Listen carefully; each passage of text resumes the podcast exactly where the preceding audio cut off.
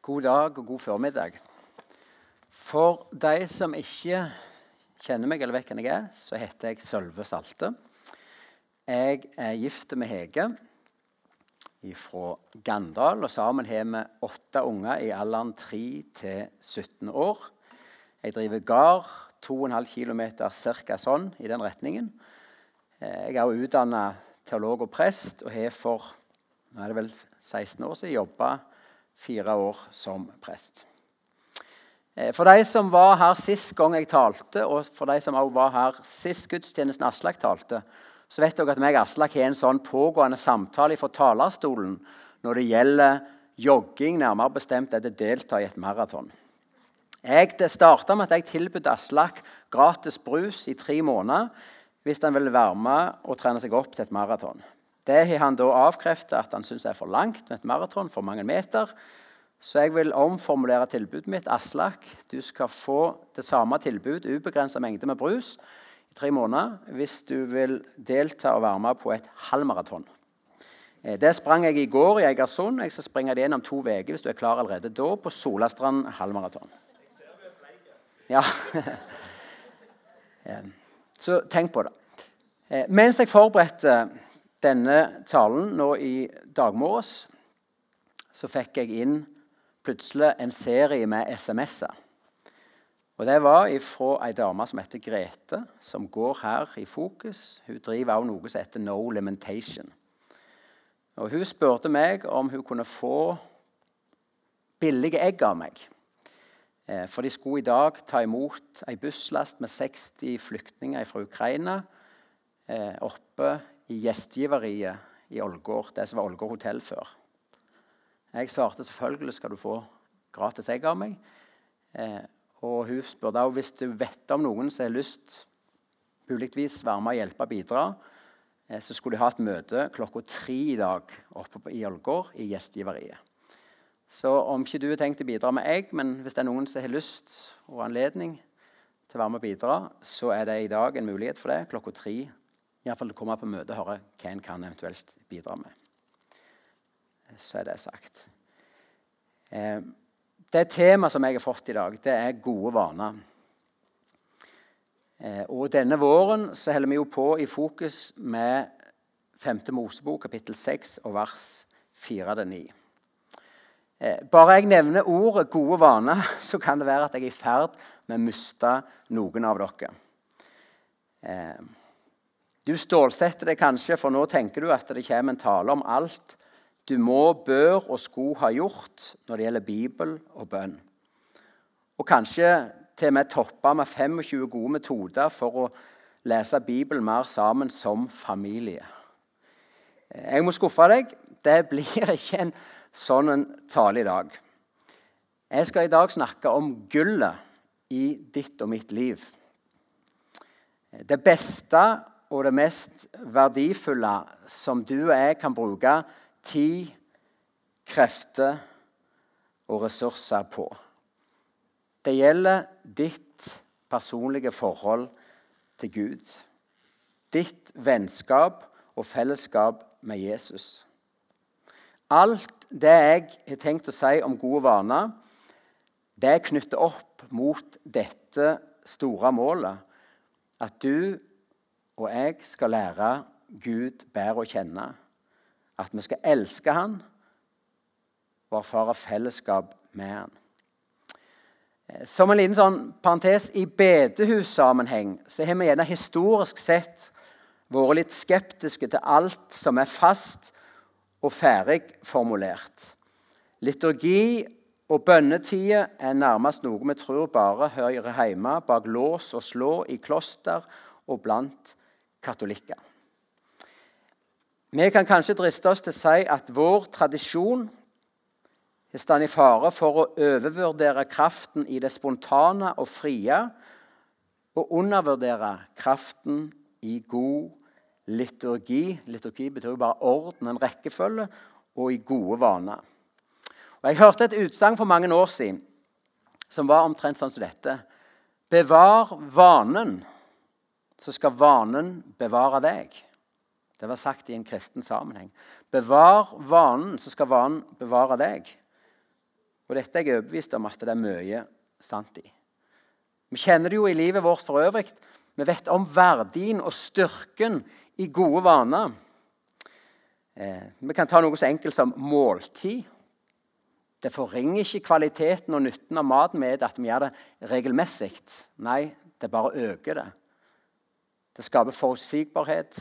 Kroppen er vant til å motta det, og det gir en god flyt. Eh, det samme gjelder søvn. Du øyelegger ikke søvn som et gode i livet ditt med å gjøre det regelmessig. Døgnlig, og kanskje til og med ha litt faste tider. Nei, det blir noe du hviler i, noe du blir fornya av, noe som er til hjelp for deg. Det samme gjelder leggerutiner når det gjelder unger, eller trening, om det er til et maraton eller et halvmaraton eller ulike trening. Det er å ha en vane, til å ha en måte, en rytme. Det er med å hjelpe oss til å leve i og nå de målene som vi setter oss. Eh, og Det samme vil jeg våge påstå gjelder for livet med Jesus. Gode vaner vil være til hjelp for hver en av oss. Eh, vi skal nå lese den teksten fra 5. Mosebok, kapittel 6. Og som Aslak sa, Den ble kalt for skjema. Og Det kommer jo av det hebraiske ordet skjema, som betyr høyr. Og Disse versene, i vers 4-9, det er den jødiske trosbekjennelse. Det er dette de tror på. Og de vet at her ligger det noen sannheter som har en sprengkraft i seg. Når de blir til ett med ditt og mitt og våre liv gjennom bekjennelse av tro. Eh, og Nå skal vi lese. Hør, Israel. Herren er vår Gud. Herren er én. Du skal elske Herren din Gud av hele ditt hjerte og av hele din sjel og av all din makt. Disse ordene som jeg byr deg i dag, skal du gjemme i hjertet ditt.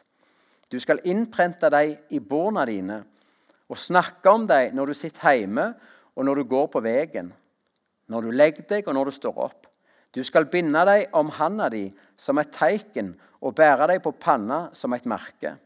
Du skal skrive dem på dørstolpene i huset ditt og på portene dine. Her blir Israel kollektivt, som folk, hører Israel, og individuelt som den enkelte, kalt av Gud til å elske Gud. Hør Israel, Herren din Gud, Herren er én. Du skal elske Herren din Gud. Og Det kallet det gjelder også deg og meg. Vi har et kall ifra Gud til å elske ham. Og Disse versene gir oss en nøkkel for hvordan vi kan leve ut, eller om du vil få kraft til å elske Gud. Nøkkelen er disse få ordene her. Disse ordene jeg byr deg i dag, skal du gjemme i hjertet ditt. Metoden som Bibelen gir oss framgangsmåten for å leve ut kallet om å elske Gud. Det starter med ditt og mitt hjerte. At noe må få lov til å bli gjemt og ligge i ditt og mitt hjerte. For å elske Gud så må Hans ord få plass i ditt og mitt hjerte. Da må vi gjerne ta en liten timeout. Hjertet for en jøde og hjertet etter hebraisk tankegang ikke først og fremst ei blodpumpe. Men det er et uttrykk for sentrum i mennesket. Det er den plassen hvor viljen, fornuften, lidenskapen møtes. Og Ordspråket 4.23 sier 'bevar ditt hjerte framfor alt du bevarer', for livet går ut ifra det. Etter en hebraisk tankegang så er det hjertet som styrer og bestemmer livet. Akkurat et tre, Typen av et tre bestemmer hva frukter. Det som fyller hjertet, bestemmer hva liv som går ut. Hva liv vi lever, avgjøres av hva som får rom i hjertet vårt. For det som får rom i hjertet, det vil prege viljen, det vil prege lidenskapen. Og det vil også bli det vi tenker på, det vi bruker forstanden vår og fornuften til å gruble over. Eh, I studiebibelen min den hadde en veldig flott kommentar til dette avsnittet. Sitat. Kjærligheten til Gud henger sammen med å ha Guds lov, eller vi kan si Guds ord, i hjertet og ha den som emne for tale og tanke. Vi tar det en gang til. Kjærligheten til Gud henger sammen med å ha Guds lov i hjertet og ha den som emne for tale og tanke. Dette gir jo sånn mening hvis vi tenker oss litt om. Det vi fyller hjertet med, det, tal, det preger tankene våre og det vi taler. Og Jesus bekrefter jo sjøl denne grunnleggende enkle sannhet i Matteus 12, 34. Det hjertet er fullt av, det taler jo munnen. Så bare for å ha en liten delkonklusjon Skal vi elske Gud med livet vårt, så må Guds ord få plass i hjertet vårt. Skal vi elske Gud med våre liv, så må Guds ord få plass i hjertet vårt. For livet går ut ifra hjertet, og Guds ord er hemmeligheten og bærer i seg kraften til å elske Gud tilbake igjen for oss.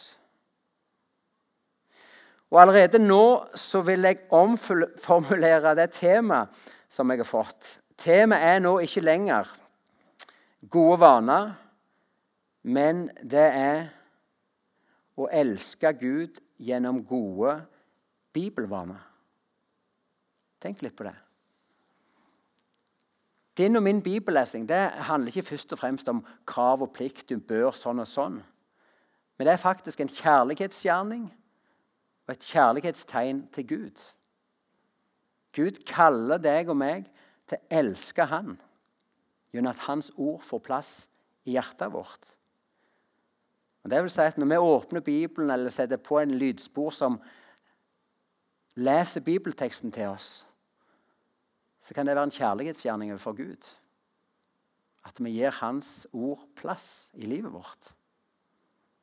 Så Jeg syns det er en litt sånn spennende innfallsvinkel til det med bibellesing. At vi kan elske Gud gjennom å ha en god vane for bibelbruk i livet vårt.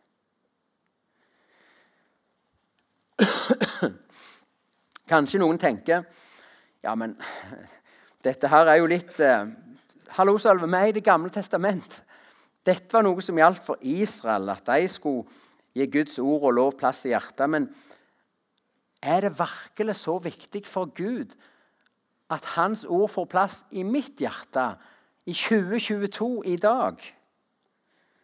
Bare for å bekrefte at denne sannheten også gjelder for oss kristne i dag. Vi som får leve i den nåden og den friheten som Jesus med sin død for våre synder og sin oppstandelse for vår rettferdighet har gitt oss. Så skal vi gå til Lukas evangeliet, kapittel 10, og lese en kort historie der. Bare for å se at denne sannhet lever videre i Det nye testament. Lukas kapittel 10 og vers 38 42. Medan de var på vei, kom Jesus til en landsby, og ei kvinne som heter Martha, tok imot ham i heimen sin. Hun hadde ei søster som heter Maria, og Maria satte seg ved Herrens føtter og lydde på ordet hans. Men Martha hadde det så travelt med alt hun skulle stelle til. Og Hun gikk bort til dem og sa, 'Herre, bryr du deg ikke om at søsteren min let meg være tjener alene?' Si til henne at hun skal hjelpe meg. Da svarer Herren, Martha, Martha, du gjør deg strev og uro med mange ting, men det er eit som er nødvendig. Maria har valgt den gode delen, og den skal ikke takast fra henne. Altså bare, vi skal prøve bitte litt å leve oss inn i denne teksten. Jesus kommer sammen med sine disipler. Enten var det sammen med, med de tolv, kanskje var det med de 70. Men her kommer en stor gjeng med omvandrende mannfolk som er skrubbsultne på besøk til to damer i deres hus. I denne kulturen, den jødiske, så står det med gjestfrihet høyt. Du ærer gjesten med å være gjestfri. Og gjestfrihet er også knytta nært sammen med måltidsfellesskap. Det at en er i lag. På den tida kunne en ikke bare ta en telefon til pizzabakeren og si du, jeg, jeg trenger 20 nummer 4 og 10 nummer 2. Eller bare ta opp noe en hadde nede i frysen. En måtte ta dem fra bunnen av.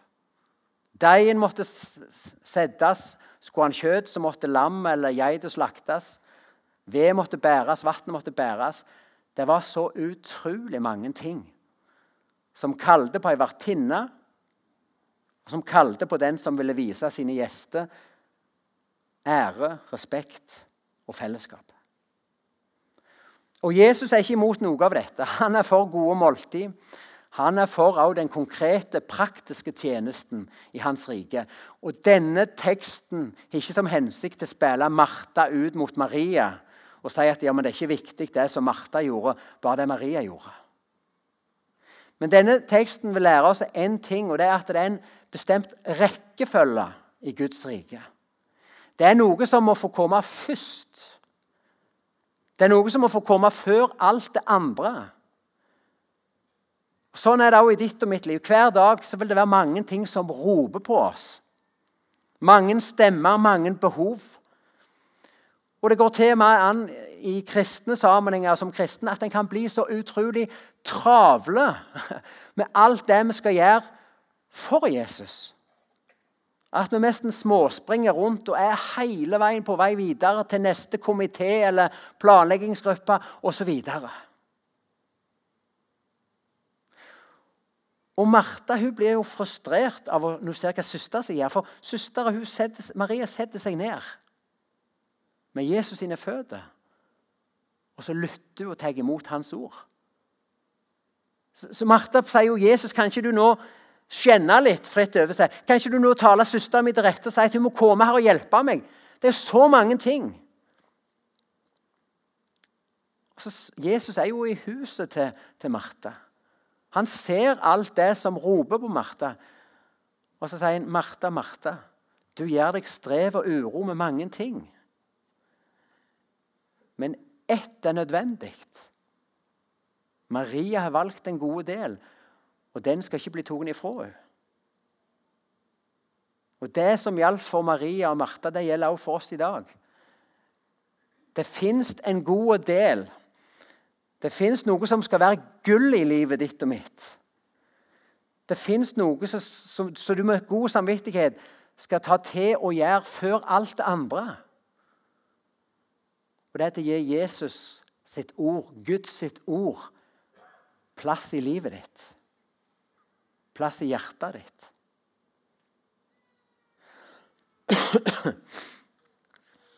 Så hvis vi skal si det på litt sånn stivt og fint Den første tjenesten for en kristen det er tjenesten ved Jesus sine føtter.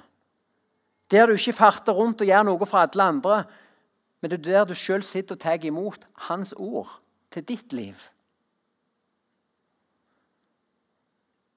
Og det er jo Hans ord som fornyer oss.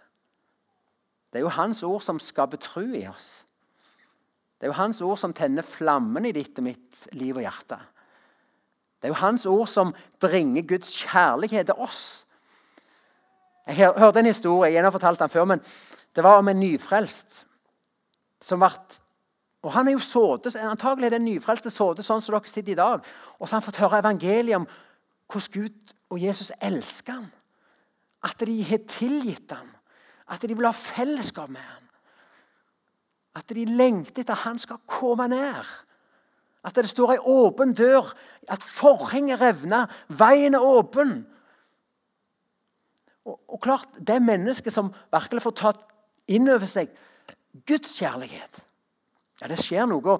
Denne nyfrelste han skulle vitne til forsamlinga. Han kom fram og sto og kikket ut som jeg gjør nå. Og så sier han det er fantastisk å være frelst. Og Så så han på forsamlingen. Den var alvorlig og knytta, så han mista frimodigheten. sier han, ja, iallfall ikke så aller verst. Vet du hva? Det som starter med at vi tar imot Jesus sitt ord til oss, inn i hjertene våre, det skaper gløden og gnisten og begeistringen. Det er der med Jesus sine føtter Det er jo der kallet over livet kommer. Det er der vi får se veien.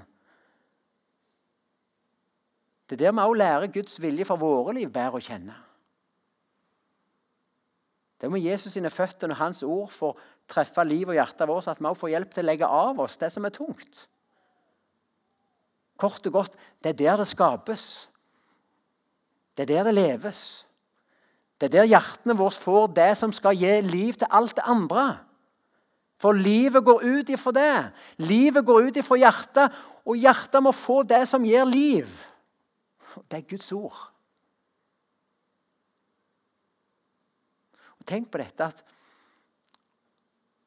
du elsker Gud. Det er mest for godt å være sant. Og du får hjelp til å elske Gud med bare å sitte og ta imot. Det er til å ha en god vane for bibellesning. Det er en måte å elske Gud på. Det er til å leve i en sånn rytme at Gud stadig får fornye deg med sitt ord. Det er hans kall til deg og meg.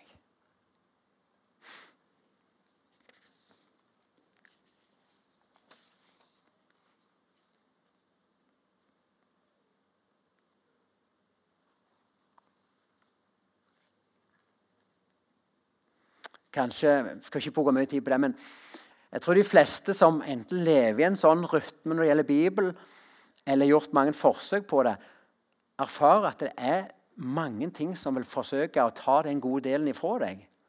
Det er mange forstyrrelser. Det er jo nesten så du skulle tro at onde krefter blir satt inn på å ta det ifra deg. Og ja, jeg tror faktisk òg at det finnes en åndelig dimensjon over det. At det som gir deg livet, er òg noe som vil bli forsøkt tatt ifra deg.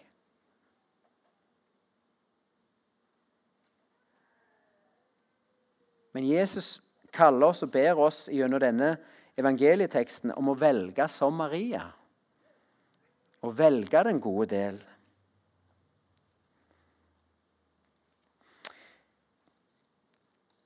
Til nå har jeg brukt mest tid og utelukkende snakka om hvorfor Hvorfor vi skal ha en vane for bibellesning. Jo, fordi det er en måte å elske Gud på. Fordi du der blir fornya som kristen. Nå skal jeg bruke bitte litt tid på å si om hvordan. Og Grunnen til at jeg skal bruke lite tid på det, er at jeg, jeg tror at hvis du innser hvor viktig det er for deg og alle de velsignelsene som ligger med å gjøre det, så tror jeg du vil både finne en vei og en måte å gjøre det på. Du trenger ikke ei ferdigformulert oppskrift, men jeg skal gi deg noen få tips. Jeg har sett som overskrift på det fasthet og frihet.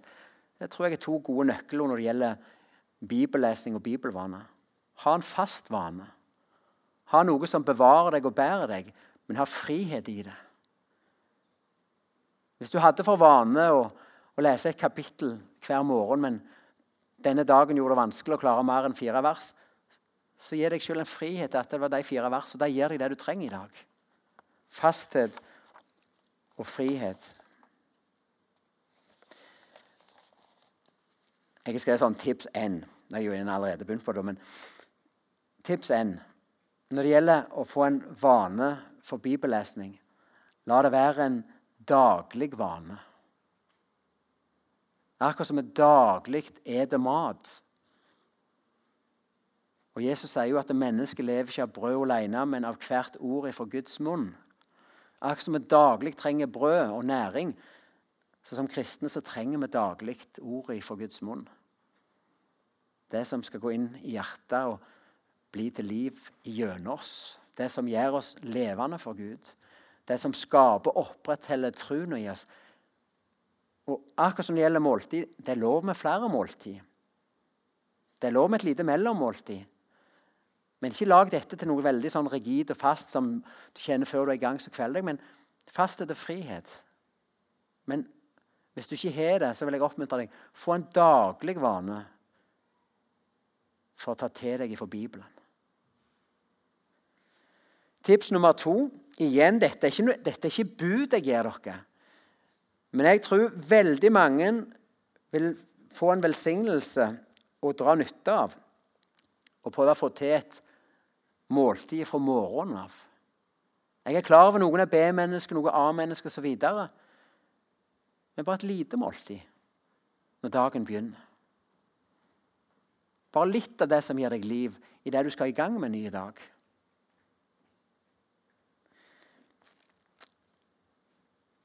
Tips nummer tre. Kanskje du kan ha hjelp av å ha en fast bibelplass den ene stolen i stua, eller om det er på en krakk under kott, eller om det er ute i stein på en hage. Det vet jeg ikke, men mange erfarer at det er hjelp å ha en fast plass hvor de søker Gud i Hans ord. Når du sitter der, så vet du at jeg er her fordi jeg vil ha noe. Kanskje dette også kan være til hjelp for deg. Du har en fast plass der du skal ta til deg dette måltidet. For noen vil det gjerne være i bilen på vei til jobb, der du hører det som ei lydfil. Hva vet vel jeg? Tips nummer fire les Bibelen i sammenheng. Med det tenker jeg på to ting. Det ene syns jeg iallfall sjøl at det, jeg synes det er lettere å ha en rytme og en framdrift og en flyt i min bibellesning når jeg vet hvor jeg er henne.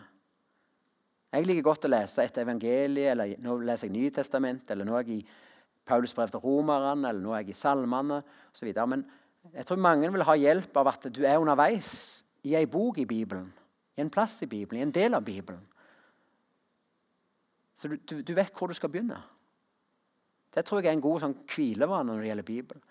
Når jeg sier 'les i sammenheng', så tenker jeg også det at det er lettere å forstå det du leser, når du leser og forstår det i lys av det som står rundt. Så det å lese Bibelen i sammenhengen vil også hjelpe oss til å forstå bedre. For Bibelen er sin egen beste tolk. Så en får tolkningshjelp og hjelp til forståelse av å lese vers i lys av kapittel, kapittel i lys av bok og bok og lys av den store fortellingen i Bibelen.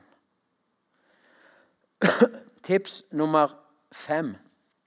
Bruk Bibelen sammen med bønn og stillhet. Vet du hva? Dette sier jeg ikke fordi jeg alltid gjør det sjøl. Men jeg har erfart mange ganger i mitt liv hvilken en stor velsignelse det er til å lese og ta til meg Guds ord. Til å si det jeg sjøl har på hjertet til Jesus. Og så også si 'Herren og jeg her, og nå ønsker jeg å være stille hos deg'. Til å være i stillhet som Jesus og over en åpen bibel det er en velsignelse. Ikke fordi du alltid skal tenke 'Å, nå skjedde dette', eller 'Nå fikk jeg denne minnelsen'. Men ja, jeg tror mange kan si at 'jeg ble minnet om noe da'. Eller 'jeg fikk fred'. Men så tror jeg òg denne her kvalitetstida hos Jesus det gjør noe med ting som vi ikke kan sette ord og uttrykk på. Jeg tror det skjer noe med oss.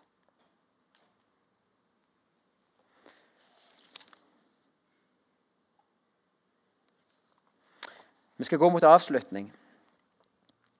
Vi har sett at gode vaner for bibelbruk er en måte å elske Gud på.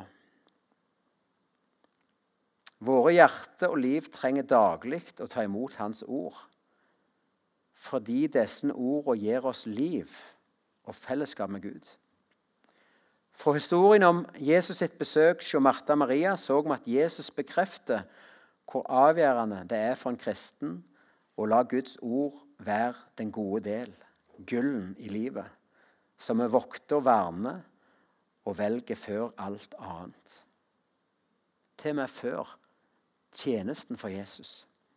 Det vi vil gjøre for han eller for andre i hans navn. Kallet til å elske Gud er det første og det største bud vi har over livet. Og dette kallet kan vi bare leve ut når Hans ord får plass i hjertene våre. Vi har også sett på at den gode vanen ikke vil skje på slump i ditt liv, men at du aktivt må velge det og gjøre det til din vane. Du og jeg vi må bruke vår vilje og vår evne til å tenke og planlegge for å legge en plan som passer for ditt liv, og så gjennomføre den planen i fasthet og frihet. Og til slutt Bibelen er rik på løfter om hva kraft og velsignelse som et menneske får når Guds ord får plass i hjertet og i livet. Jeg skal bare trekke fram to bibelplasser helt til slutt. Salme nummer én. Den første salmen i Salmens bok. Den fantastiske salme. Salig er den mann som grunner og vi kan si salig er det mennesket som grunner på Herrens ord dag og natt. Han er lik et tre planta med bekker med rennende vann. Løvet på det, altså blokkene, visner ikke. Han lykkes i det han skal gjøre. Salme 1 sier at det mennesket som grunner på Guds ord. Han blir fornya. Han får kraft til å bære frukt i rette tid. Han visner ikke hen som kristen, men han blir fornya fra kraft til kraft. Ikke alltid vi føler det sånn sjøl. Og det Gud har sett som mål for våre liv, de ferdiglagte gjerningene, de oppgavene, de skal vi lykkes i. For sånn ei kraft ligger det i Guds ord når det får rom i ditt og mitt hjerte. Og i 2. Timoteus brev, kapittel 3, vers 15-17, der står det at alle Skriftene er innåndet av Gud. Altså Gud er, Han har blåst liv inn i Bibelen. Og så står det videre at de er nyttige til å gi opplæring i rettferdighet. Til formaning. Til å vise vei til frelse. Tenk på det. Bibelen har kraften i seg til å vise vei til frelse gjennom troen på Jesus Kristus. Og så står det videre i disse versene at å utruste til all god gjerning. Tenk at de skriftene som er innåndet av Gud, det kan både vise veien til frelse, den kan oppdra oss som kristne, og den kan utruste oss til all god gjerning som Gud kaller oss til. Er det løye at vi trenger det? Og Jeg så for meg når jeg forberedte her, akkurat som Gud har blåst sitt liv, sin pust, inn i Bibelen. Og så er det sånn at Når vi åpner Bibelen, så kommer denne pusten inn i oss. Jeg tenkte på det med førstehjelp. Altså For å få liv i noe som er dødt eller i ferd med å dø, så blåser en liv inn i det. Og Sånn er Guds metode for å opprettholde og blåse liv inn i mennesket. Det er at han er blåst av sitt liv inn i Skriftene. For at når de blir tokne og åpne og forsynt seg av, så blåser de liv inn i oss. Det er liv i Guds ord. Guds ord er et ord som skaper liv. Som får, om du vil, hjerterytmen i gang i kristenlivet. Da forstår vi kanskje hvorfor det er så viktig og en så stor velsignelse for oss til å ha en god vane når det gjelder å ta til seg av Bibelen. Og Jeg håper ikke at du sitter igjen med et sånn bør og skal og må og uff, uff, jeg skulle vært så mye bedre med Bibelen. Jeg håper du skal se mulighetene. Jeg håper du skal se at dette er noe Gud har lagt foran deg, for at du kan innta det, ta det, bruke det, bli velsigna av det. Og at denne boka er en mulighet for deg til å elske Gud. Det er nesten utrolig å kunne si det.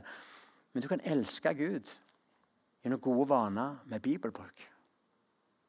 Skal vi be. Kjære Jesus, jeg takker deg for at du elsker oss, og du elsker oss i dag, og du elsker oss inn i døden. Takk at du kom, og du kom for å finne oss, og du kom for å frelse oss. Og takk for at du har gitt oss ditt ord. Vi vet at himmel og jord skal forgå. Vi vet at det som er i denne verden, det er bare her for ei tid. Men ditt ord står fast til evig tid. Og takk, Herre, at som du kalte Israel til å høre og til å gjemme ditt ord i hjertet, så kaller du oss til å høre ditt ord og til å gjemme det i hjertet. For det ord vil være til liv for oss. Nå ber jeg for hver og en her inne. La oss både høre ditt ord og gjemme det i hjertet, sånn at det kan bli til liv. Så ber jeg for, for den enkelte som kanskje har ulike erfaringer med det, til å ha en vane og rytme når det gjelder bibellesing. Jeg ber om nytt mot og frisk mot. Jeg ber om visdom inn i livet til den enkelte. Både til å bruke viljen og ha et fast forsett, men også til å kjenne på en, en glede og en frihet og en mulighet og et kjærlig kall for deg til å komme nær, til å lære deg å kjenne, til å bli velsignet, til å få sitte med dine føtter. Vi legger alt over i dine hender. I Jesu navn. Amen.